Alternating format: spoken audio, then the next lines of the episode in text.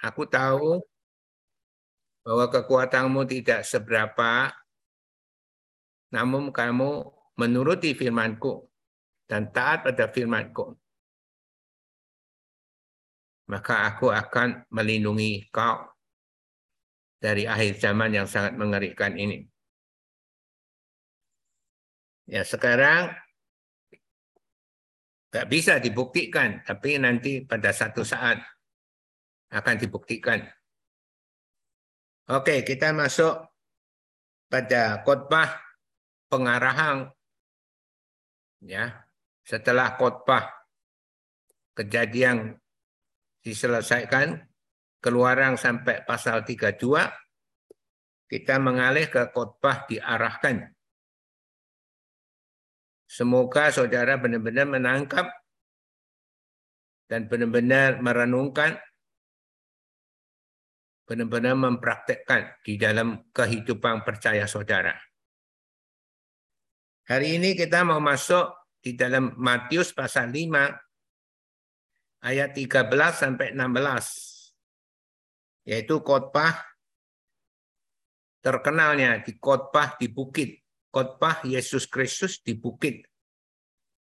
Khotbah yaitu Matius pasal 5 itu terkenal sekali dari ayat 1 sampai selesai itu adalah khotbah di bukit. Tuhan Yesus memberi arahan-arahan. Nah, khotbah ini adalah firman yang hidup. Karena Yesus telah hidup. Jika kita sudah menemukan Matius pasal 5 ayat 13 sampai 16, mari kita Hormati pembacaan kebenaran firman Tuhan. Matius pasal 5 ayat 13 sampai 16. Dua, tiga. Kamu adalah garam dunia. Jika garam itu menjadi tawar, dengan apakah ia diasinkan? Tidak ada lagi gunanya selain dibuang dan diinjak orang. Kamu adalah terang dunia. Kota yang terletak di atas gunung tidak mungkin tersembunyi. Lagi pula orang tidak menyalakan pelita lalu meletakkannya di bawah gantang, melainkan di atas kaki Dian sehingga menerangi semua orang di dalam rumah itu. Demikianlah hendaknya terangmu bercahaya di depan orang supaya mereka melihat perbuatanmu yang baik dan memuliakan Bapakmu yang di surga. Amin. Mari kita berdoa. Ya Tuhan Roh Kudus yang mulia, terima kasih atas kasih-Mu sepanjang hidup kami anak-anak-Mu ini. Ya Tuhan, Tuhan yang sangat mengasihi kami, Tuhan kekuatan, kepercayaan, dan Tuhan kebanggaan kami. Tuhan penolong dan Tuhan penghibur kami. Tuhan kebenaran dan Tuhan sahabat kami. Ya Tuhan Roh Kudus yang mulia, limpahkan pewahyuan dan hikmat kemampuan dari surga turun atas anak-anakmu. Dan jamalah hati anak-anakmu benar-benar menjadi hati yang lembut, hati yang siap ditabur oleh kebenaran firman Tuhan, siap bertumbuh dan berbuah-buah di dalam kebenaran firman Tuhan. Dan mampukan hambamu, kuatkan hambamu, terutama layakkan hambamu, ya Tuhan, layakkan hambamu untuk menyampaikan kebenaran firman-Mu pada hari ini. Tuhan berkaryalah dengan iman kami percaya Kau mendengarkan doa-doa kami dan Kau kabulkan doa-doa kami di dalam nama Tuhan Yesus. Haleluya. Amin. Ya, ini adalah khotbah Yesus Kristus di bukit. Matius pasal 5 adalah sangat terkenal sekali.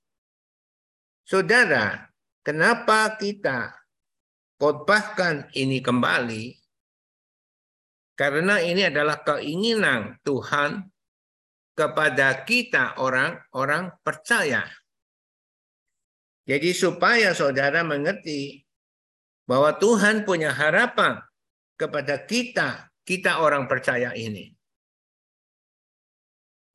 Dan khotbah tiga minggu yang lalu, kita sudah membahas di Roma pasal 10, ayat 1 sampai 21, berarti ada dua jalan yang benar untuk masuk ke surga. Satu jalan dengan menggenapi hukum Taurat, yaitu sepuluh firman Tuhan, ya, dan yang kalau tidak bisa, kan kita harus mengorbankan ya kambing, kambing, domba, lembu.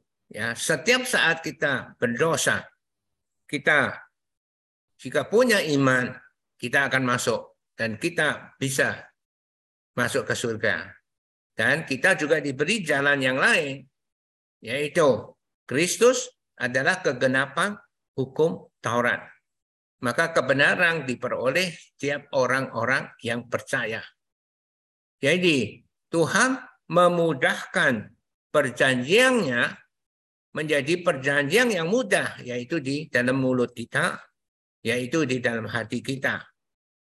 Maka Tuhan juga mengajar di dalam Roma 10 ayat 1 sampai 21 kenapa Paulus menjadi saksi bagi bangsa Israel bahwa bangsa Israel sangat giat sekali di dalam ketuhanan.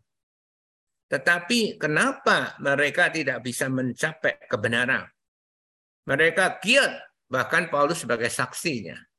Tapi mereka tidak bisa mencapai kebenaran itu. Karena mereka percaya pada diri sendiri, bukan percaya kepada Tuhan. Maka di dalam Roma pasal 10 ayat 1 sampai 21 minggu yang lalu, Tuhan memberitahu kepada kita, tidak setiap orang bisa masuk ke surga. Tetapi ya hanya dengan respon yang benar terhadap janji Tuhan itulah, yaitu respon yang benar terhadap janji Tuhan itulah yang sungguh-sungguh akan membawa kita ke surga. Jadi ini adalah Tuhan mengajar kepada kita. Kita harus periksa respon kita kepada janji Tuhan. Janji Tuhan itu sudah diberi begitu mudah. Hanya di dalam mulut kita, kalau kita mengaku Yesus benar-benar sebagai Kristus, sebagai juru selamat dosa kita, sebagai Tuhan kita, kita diselamatkan. Dan jika kita percaya bahwa Yesus telah dibangkitkan dari antara orang mati, dan kita percaya besok, jika kita satu saat kita meninggalkan dunia ini, kita juga mempunyai harapan, kita juga dibangkitkan dari antara orang mati. Maka hati yang seperti ini itu akan dibenarkan. Jadi Tuhan memberi yang mudah sekali.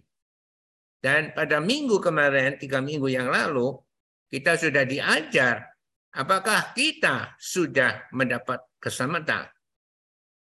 Ya, ketika kita dengan mulut mengaku dan percaya dan kita ikut doa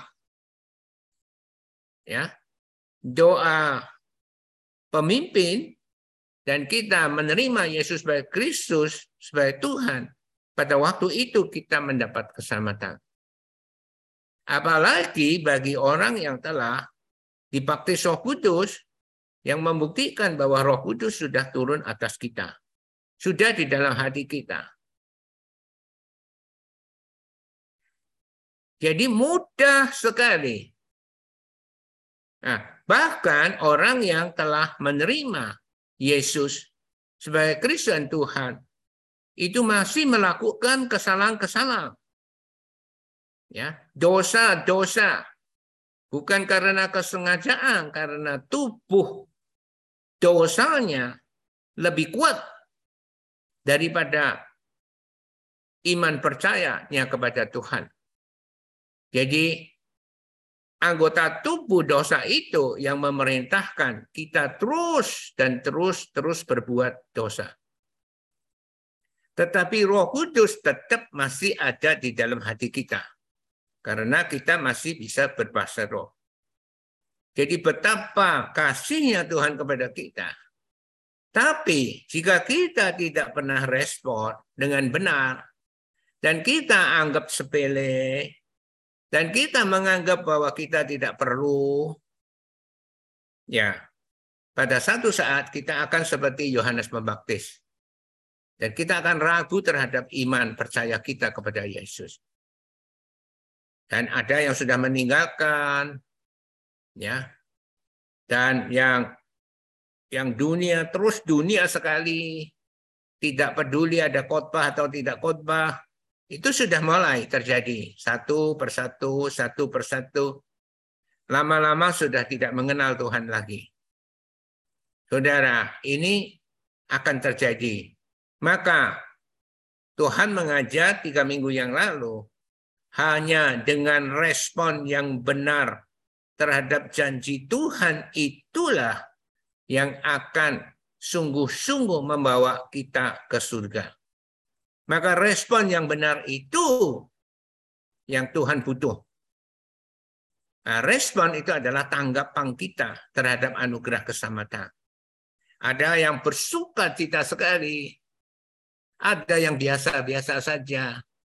Ada yang anggap itu adalah hal yang semestinya.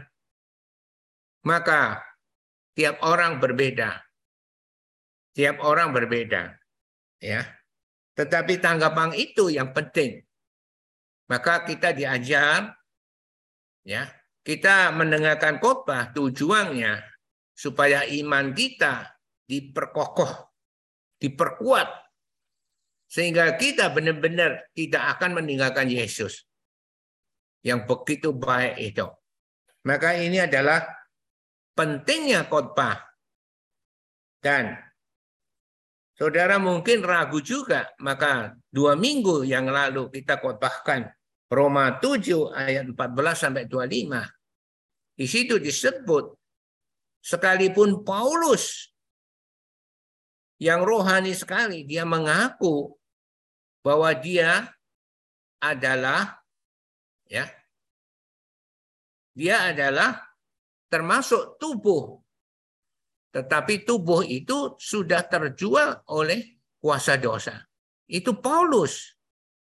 Maka dia mengajar kepada kita, ketika kita mau berbuat baik, maka anggota tubuh kita yang telah jatuh dosa itu akan me mengeluarkan satu hukum yang lain untuk melawan hukum akal budi kita. Maka kita tidak berbuat yang baik, tapi berbuat yang tidak baik. Saudara, firman Tuhan mengatakan kepada kita, tangan yang lamban membuat miskin, tetapi tangan orang rajin menjadikan kaya. Kalau kita mendengar itu dan kita percaya, oh itu bagus, ya betul. Tetapi di anggota tubuh kita akan keluar hukum yang lain. Enggak lah. Enggak, enggak usah lah. Ya, enggak usah lah. Aku hidup se, se, seadanya saja. Tapi firman Tuhan mengatakan adalah ya tangan yang lamban membuat miskin, tetapi tangan orang rajin menjadikan kaya. Kalau kita dipimpin oleh Roh Kudus, maka kita akan memeriksa setiap kegerakan kita. Kita mandi berapa menit, kita sikat gigi berapa menit, kita bangun pagi berapa menit. Ya. Jadi kita akan me menyetel segala kehidupan kita dengan kecepatan. Maka kita akan sesuai dengan firman Tuhan. Tetapi jika tubuh kita yang berbicara, ya nggak usahlah kita gini-gini ya sudah bagus. kita gini-gini ya sudah bagus. Apalagi Tuhan mengatakan segala jalan orang adalah bersih. Menurut pandangannya sendiri. Maka standar yang kita yang kita pakai itu yang menentukan kita itu bersih atau tidak. Tetapi Tuhan bilang, Tuhanlah yang menguji hati. Jadi saudara, kita kalau mau sungguh-sungguh masuk ke surga, itu bukan dengan perasaan kita, dengan pengetahuan kita, dengan apa yang kita dengar, bukan. Tetapi dengan apa yang Alkitab katakan. Jadi ini adalah penting sekali, saudara.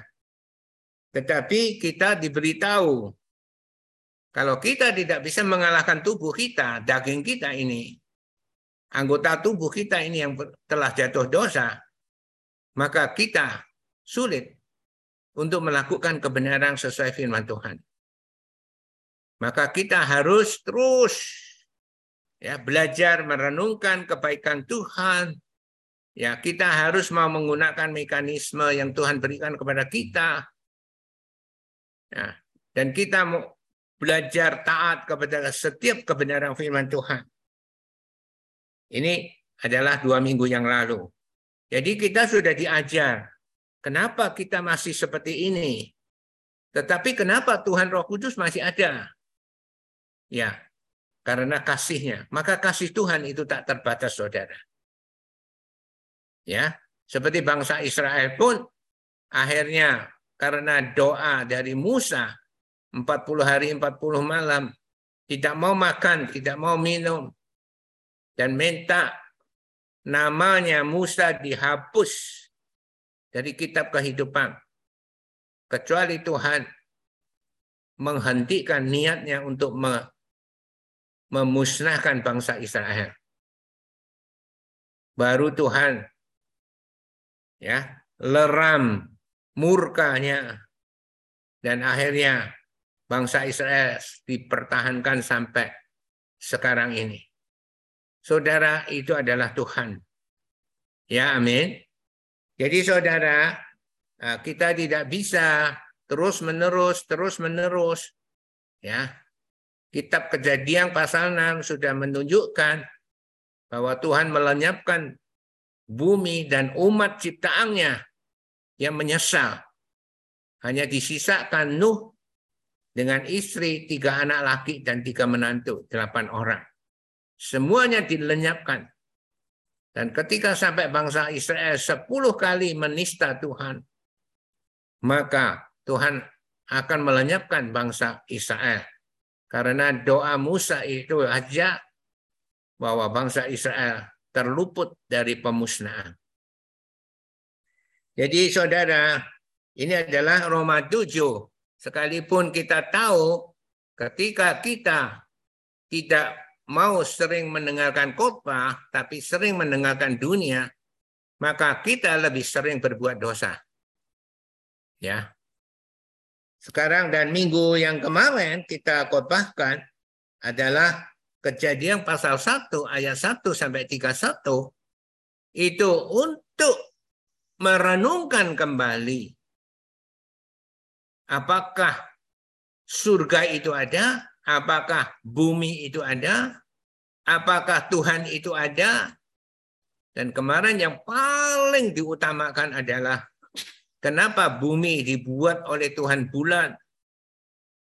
Ya, kenapa benda-benda penerang di langit itu adalah bulan. Semua bintang-bintang adalah bulan karena mereka mencontoh ya, mencontoh bumi yang bulat.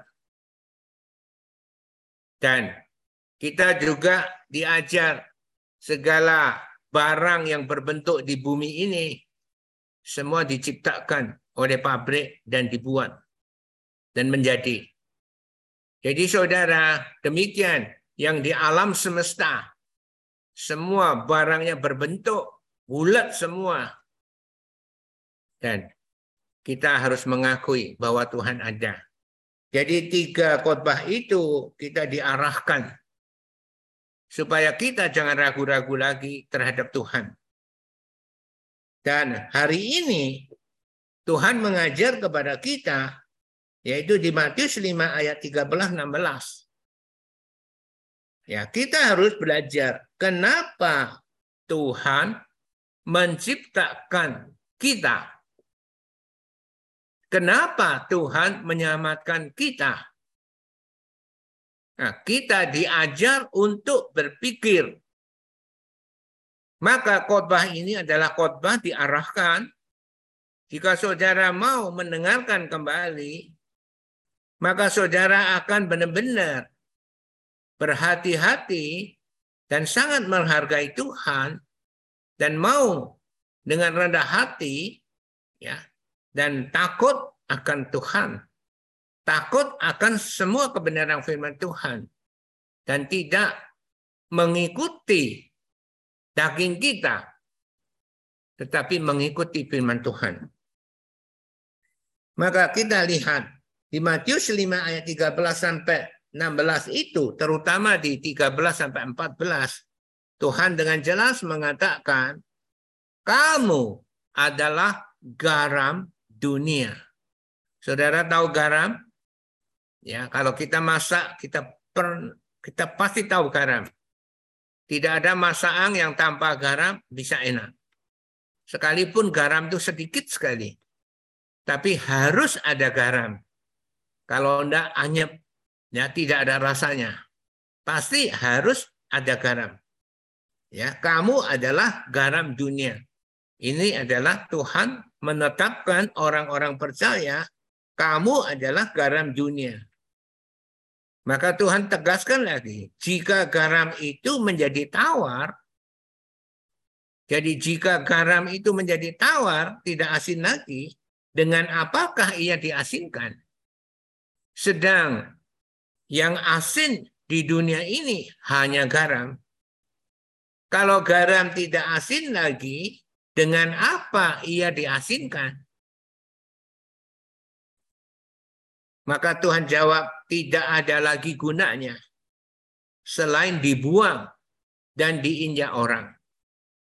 Jadi Tuhan mempunyai harapan kepada orang-orang percaya bahwa orang-orang percaya itu adalah garam dunia. Adalah garam dunia. Jadi dia tidak bisa tawar. Kalau dia menjadi tawar, maka Tuhan bilang tidak ada gunanya selain dibuang dan diinjak orang. Ini harapan Tuhan kepada orang percaya. Dan ayat 14 ditekaskan lagi oleh Tuhan. Kamu adalah terang dunia. Kamu orang-orang percaya adalah terang dunia kota yang terletak di atas gunung. Kalau saudara lihat di atas gunung, bisa nggak? Bisa disembunyikan? Tidak bisa. Ya, kamu adalah terang dunia. Ya, kota yang terletak di atas gunung tidak mungkin tersembunyi. Tidak mungkin tersembunyi. Ini harapan Tuhan supaya kita menjadi garam, menjadi terang dunia. Jadi saudara, ini adalah Tuhan, ya. Tuhan mengajar kepada kita dan dia menegakkan lagi. Lagi pula orang tidak menyalakan pelita. Saudara tahu pelita lilin? Ya, pelita itu. Lalu meletakkannya di bawah kantang, di bawah tempat tidur. Ada enggak? Enggak ada melainkan di atas kaki dia, yaitu tempat untuk menancapkan lilin. Ada orang yang bikin ya tempat lilin satu cagak tinggi, terus ada cabang-cabangnya, ada tempat lilin di situ. Untuk sehingga menerangi semua orang di dalam rumah itu. Jadi nggak ada orang menaruh pelita di atas, di bawah tempat tidur, tapi di tempat dia untuk menerangi rumah itu. Maka Tuhan mengharapkan kepada kita di ayat 16, demikianlah hendaknya. Jadi Tuhan bilang bukan hendaknya, bukan. Demikianlah kamu bukan tambah demikianlah hendaknya. Ini penekanan Dua kali penekanan. Demikianlah hendaknya terangmu bercahaya di depan orang. Kita selalu terang di depan orang. Supaya mereka melihat perbuatanmu yang baik. Dan memuliakan Bapakmu yang di surga. Ini harapan Tuhan terhadap ya ciptaannya. Jadi saudara, saudara setuju? Amin.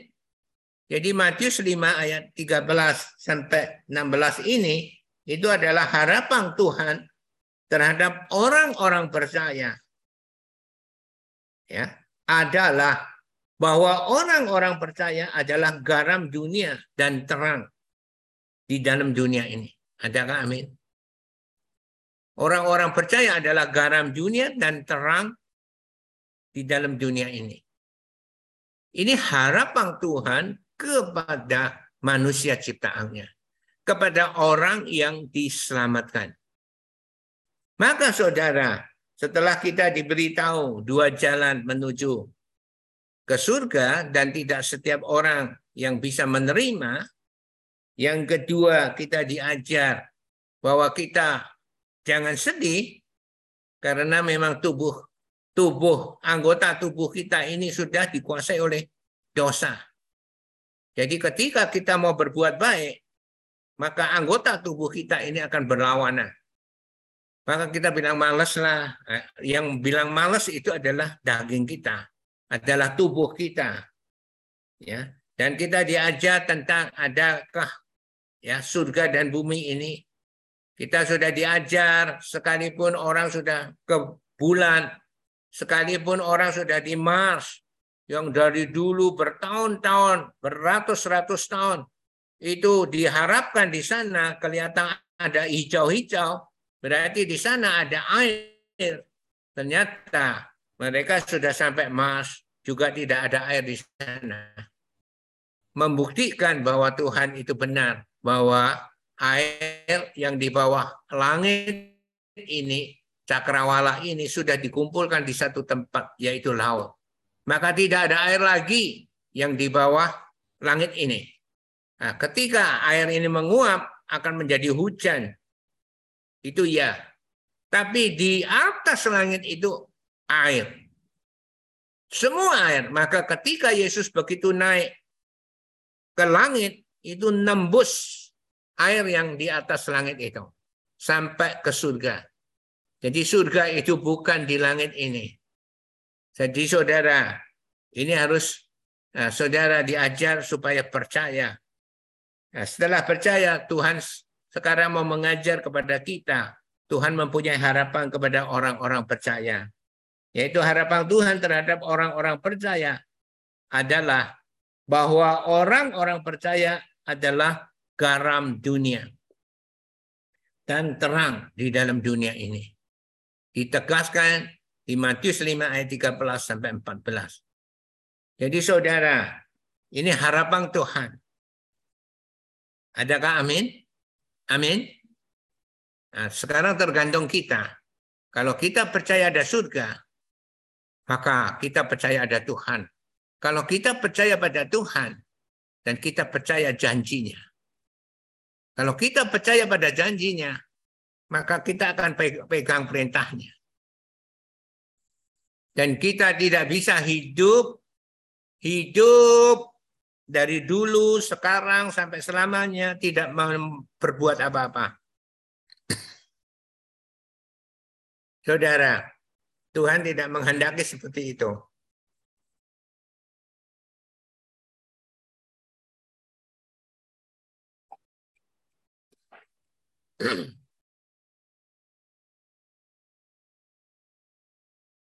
Maukah kita menjadi garam dan terang dunia ini?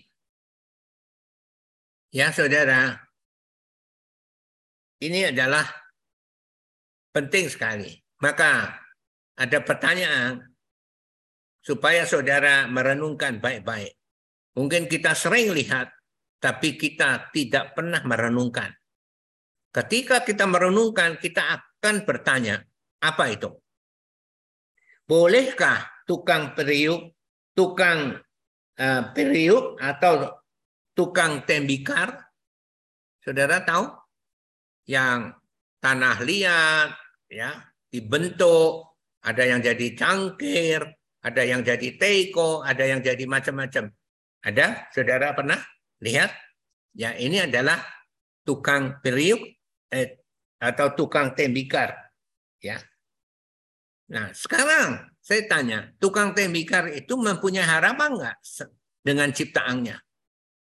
Punya harapan enggak dengan ciptaannya? Dia membuat dengan tanah liat, dia mempunyai harapan enggak? Dia mempunyai harapan supaya ciptaannya bisa menjadi cangkir, bisa menjadi teko, bisa menjadi gelas, bisa menjadi macam-macam. Adakah amin? Demikian Tuhan, Tuhan menciptakan manusia juga punya harapan. Jadi kalau kita percaya Tuhan, maka kita harus percaya bahwa Tuhan punya harapan.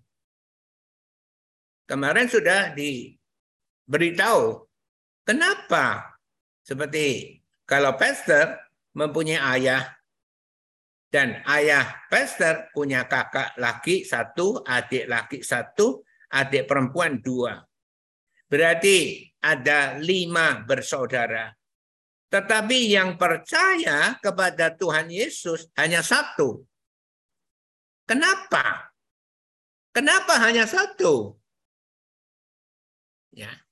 Karena Tuhan mau menggunakan satu di satu keluarga itu untuk memenangkan semua semua keluarga itu.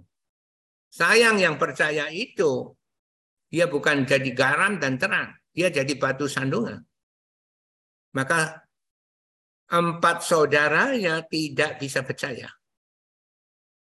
Ya. Dia punya adik laki dua. Papa saya ada adik laki dua, kakak laki satu, berarti empat, enam, enam orang. Lima bersaudara tidak bisa percaya. Karena ulah dia. Sekarang pastor di dalam keluarga pastor ada sepuluh orang. Yang satu sudah meninggal ketika pastor umur enam tahun.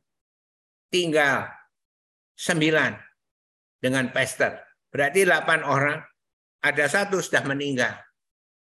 Kemarin juga berusaha diinjili tapi belum bisa percaya, tapi sudah meninggal. Tinggal tujuh.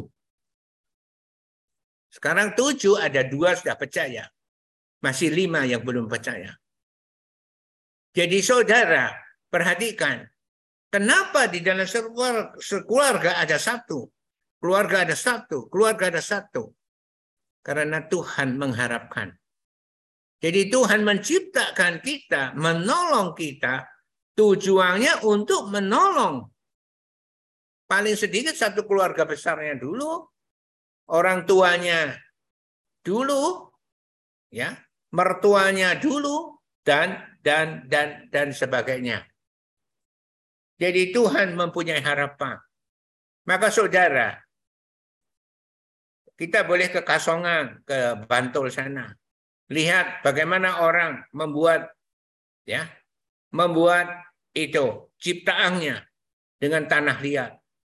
Dan kita tanya, kenapa kau membuat ini? Dia pasti ada tujuannya, saudara. Tuhan juga menciptakan kita ada tujuannya. Itu jadi kebenarannya adalah sama, saudara. Logikanya adalah sama. Jadi Tuhan harap kita menjadi garam dunia, menjadi terang dunia. Nah sekarang ini adalah inti khotbah dari hari ini. Sekarang tergantung kita, maukah kita sungguh-sungguh merenungkannya bahwa Tuhan punya harapan kepada kita itu. Saudara, ini adalah penting sekali saudara. Ya, kalau bangsa Israel dia diselamatkan oleh Tuhan. Karena Tuhan sudah berjanji kepada Abraham, ya Isa dan Yakub. Dan keturunannya akan terus diberkati. Maka bangsa Israel sekalipun tidak suka dengan apa yang Tuhan perbuat, mereka takut tapi tidak suka. Maka mereka tidak pernah bisa berterima kasih. Karena mereka punya kesukaannya sendiri. Maka ketika mereka dibawa ke padang gurun, mereka bersungut-sungut Apakah di Mesir tempat perbudakan mereka itu tidak ada kubur sehingga mereka harus dibawa ke padang pasir untuk dikubur, dibunuh dan dikubur di padang pasir? Ini bangsa Israel, saudara. Tidak pernah bisa berterima kasih. Terus ketika mereka tidak bisa makan, apakah di Mesir itu tidak ada makan sehingga kau bawa ke sini supaya kita mati kelaparan. Itu bangsa Israel, saudara. Tidak bisa berterima kasih. Ya, amin. Karena mereka memang tidak bisa berterima kasih. Mereka adalah bangsa yang tegak tengkuk. Itu menurut penilaian Tuhan. Bangsa yang tidak bisa berterima kasih. Nah, sekarang tergantung kita. Kita dibikin lebih mudah lagi oleh Tuhan. Hanya dari dengan mulut dan percaya kita diselamatkan. Jadi kita tidak mengeluarkan apa-apa. Hanya kita mau nerima janji Tuhan, kita diselamatkan. Tapi apakah kita bersuka cita? Maka kita renungkan Apakah keselamatan ini kita yang butuhkan? Apakah uang banyak yang kita butuhkan?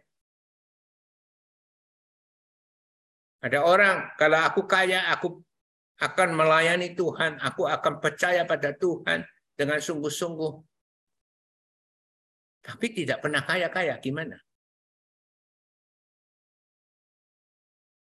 Ya, maka dia yang percaya, tapi ya tidak percaya, ya percaya, ya tidak percaya, semacam itu.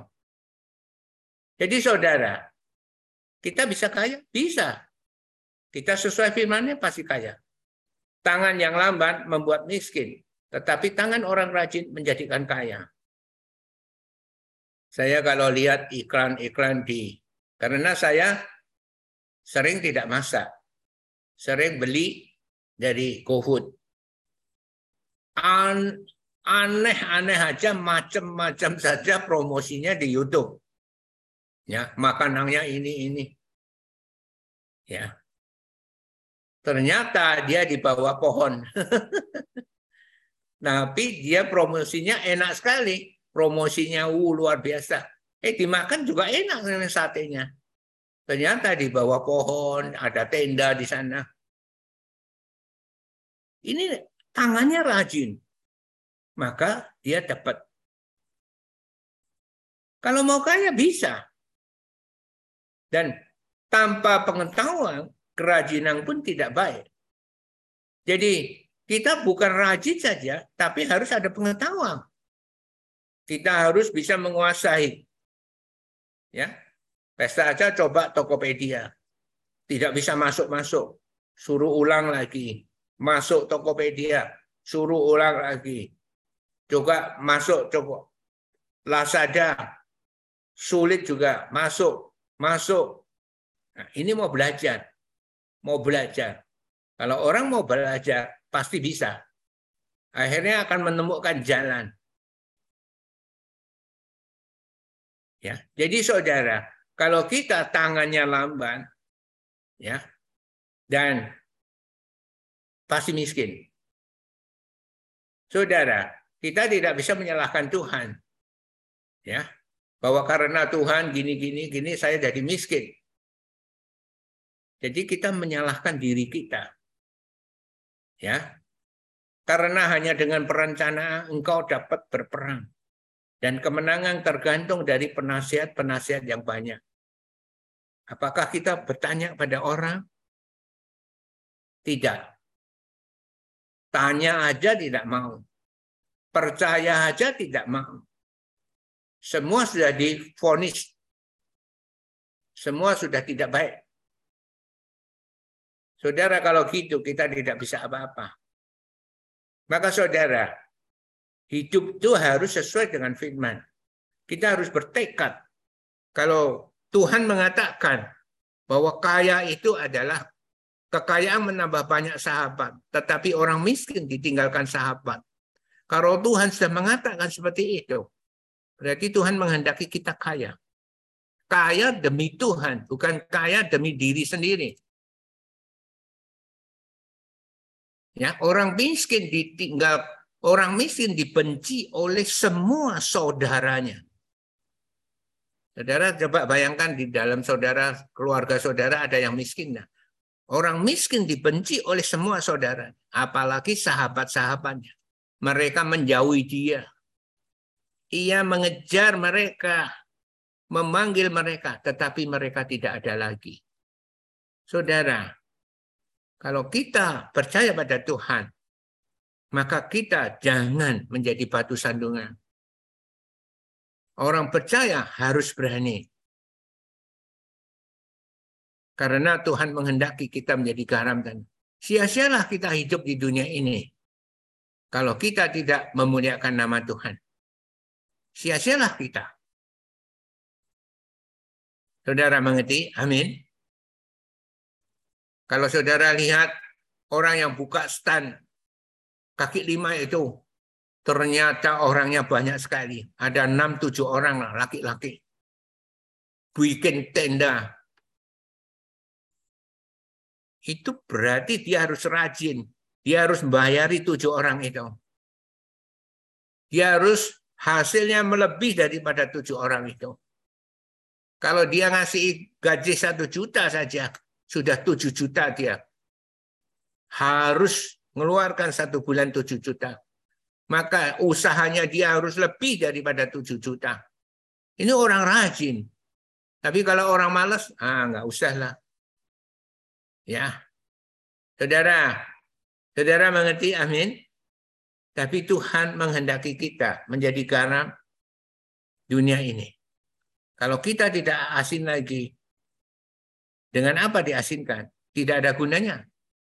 Hanya dibuang dan diinjak orang. Ini Tuhan mengajar kita seperti ini. Ya amin. Kita adalah terang dunia, kota yang terletak di atas gunung. Tidak mungkin tersembunyi. Maka Tuhan menghendaki, demikianlah hendaknya terangmu bercahaya. Bercahaya di depan orang. Supaya mereka melihat perbuatanmu yang baik dan memuliakan Bapakmu yang di surga. Jadi kita harus disebut orang kalau orang melihat kita, kamu orang lihai, kamu orang hebat. Lihai itu hebat, saudara. Saudara, tapi kalau kita hanya itu, itu saja hidup. Pokoknya aku setiap minggu aku dengarkan khotbah, ya. Aku memuji Tuhan menyanyi Tuhan. Memuji menyanjung Tuhan. Tapi kita tidak melakukan apa-apa. Bagaimana orang bisa melihat kita? Saudara mengerti? Amin. Ya jadi saudara ini adalah penting sekali. Tuhan menghendaki kita menjadi garam dan terang Tuhan tidak mungkin menciptakan kita ya begitu saja terserah kita tidak mungkin. Dia punya harapan kepada kita. Hari ini Tuhan mau mengajar kepada kita di Matius 5 ayat 13 sampai 16 Tuhan mengharapkan kita supaya kita menjadi garam dunia, supaya kita menjadi terang dunia. Ini harapan Tuhan yang besar kepada kita. Maka kalau kita percaya pada Tuhan, kita akan hargai harapan Tuhan. Maka jadi orang jangan loyo. Ya. Patah semangat. Ya. Amsal 24 ayat 10 mengatakan, jika kamu tawar hati dalam masa kesesakan, kecillah kekuatanmu. Jika kamu tawar hati dalam masa kesesakan, kecillah kekuatanmu. Jadi saudara, Tuhan sudah memberi banyak firman kepada kita. Bahkan memberi Amsal pasal 1 sampai pasal 31. Setiap hari kita bisa membacanya. Saudara, hidup itu harus ada tujuan. Tuhan menciptakan kita ada tujuan. Kalau kita tidak punya tujuan, maka percumalah kita menjadi orang percaya. Maka banyak orang percaya hanya dikasihi, dikotbahi bahwa kamu akan diberkati oleh Tuhan karena kamu percaya, ambilkan ayat-ayat yang menyenangkan. Kalau saudara terus ini nak bobokkan seperti itu. Tetapi saudara tidak pernah dituntut. Sedang ini adalah Tuhan yang ingin tapi kalau ini tidak diajarkan juga, maka kita akan menjadi orang percaya yang kelihatannya baik, tapi sebetulnya menyedihkan sekali saudara. Orang kalau tanpa sudah patah semangat, habislah hidup dia. Percaya. Saudara nenungkan, apakah saudara patah semangat? Apakah saudara melihat yang mendengar sekini, saudara merasa cukup? Atau saudara bersemangat, berjuang, ya mendorong sana, mendorong sini, mendorong sana, mendorong sini. Maka Tuhan memberi janji di Amsal 19 ayat 17. Amsal 19 ayat 17. Siapa menaruh belas kasihan kepada orang yang lemah, memiutangi Tuhan yang akan membalas perbuatannya itu.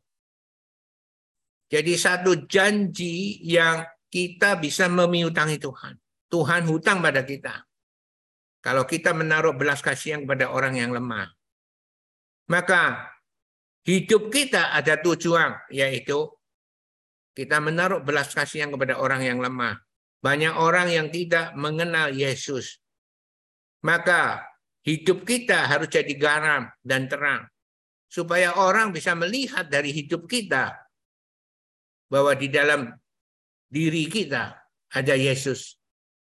Maka kita akan selalu semangat, selalu berkobar-kobar. Ya. Pastor masih ingat umur 53 tahun, Jogja Bandung pulang pergi setiap minggu naik mobil. Kayak apa itu semangatnya? Saudara.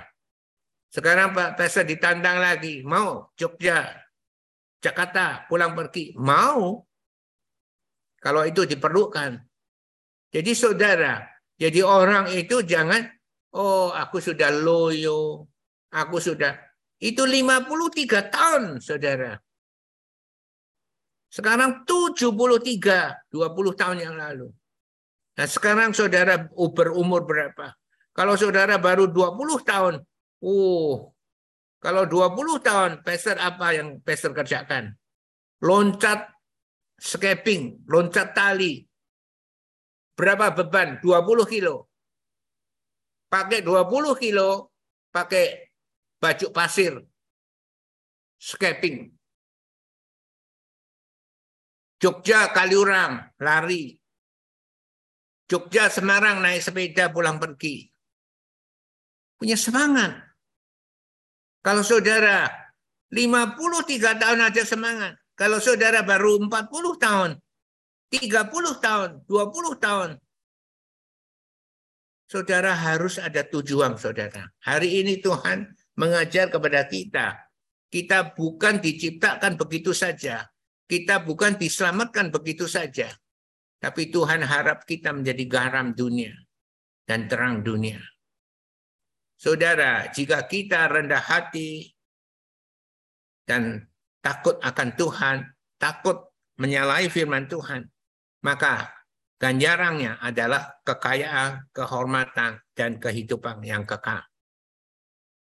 Ya, saudara, tujuanmu hanya satu, Amsal 19 ayat 17. Setiap hari memberitakan ya Injil bahwa setiap orang butuh Yesus. Jika saudara lakukan itu, kalau bensin mahal, saudara jalan kaki sambil olahraga. Kalau saudara seperti itu, saudara sedang memiutangi Tuhan. Tuhan akan membalas saudara. Tapi kalau saudara eman-eman omongan, tidak pernah ngomong dengan orang, Ya. Ya, kita tidak ada tujuan. Jadilah garam yang Tuhan harapkan. Jadilah terang di dunia ini. Mari kita tutup khotbah hari ini. Haleluya, haleluya.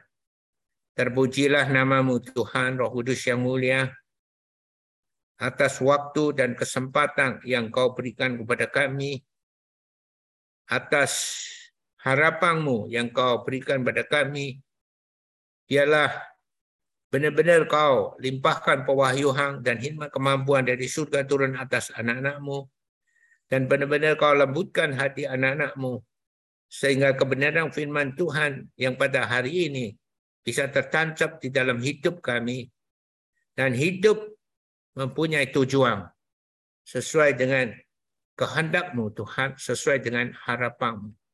Dan hidup kita akan diberkati dan semangat kita akan berkorbar-korbar sekalipun di dalam pandemi virus corona ini kami tetap bersemangat dan menggebu-gebu sekalipun kita ibadah bukan offline tapi online kita tetap semangat menggebu-gebu dan kita tidak pernah melepaskan kesempatan yang baik untuk membawa orang-orang untuk mendengarkan kebenaran firman-Mu. Ya Tuhan, inilah anak-anak-Mu. Bangkitkan anak-anak-Mu dan sadarkan anak-anak-Mu, kuatkan anak-anak-Mu dan bawa anak-anak-Mu untuk menjadi alat-Mu yang sangat berguna di muka bumi, yaitu sebagai garam dunia dan terang dunia sebagai orang yang telah kau selamatkan menjadi orang percaya di dalam nama Tuhan Yesus. Haleluya. Amin. Hari ini khotbah hanya satu jam. Karena pastor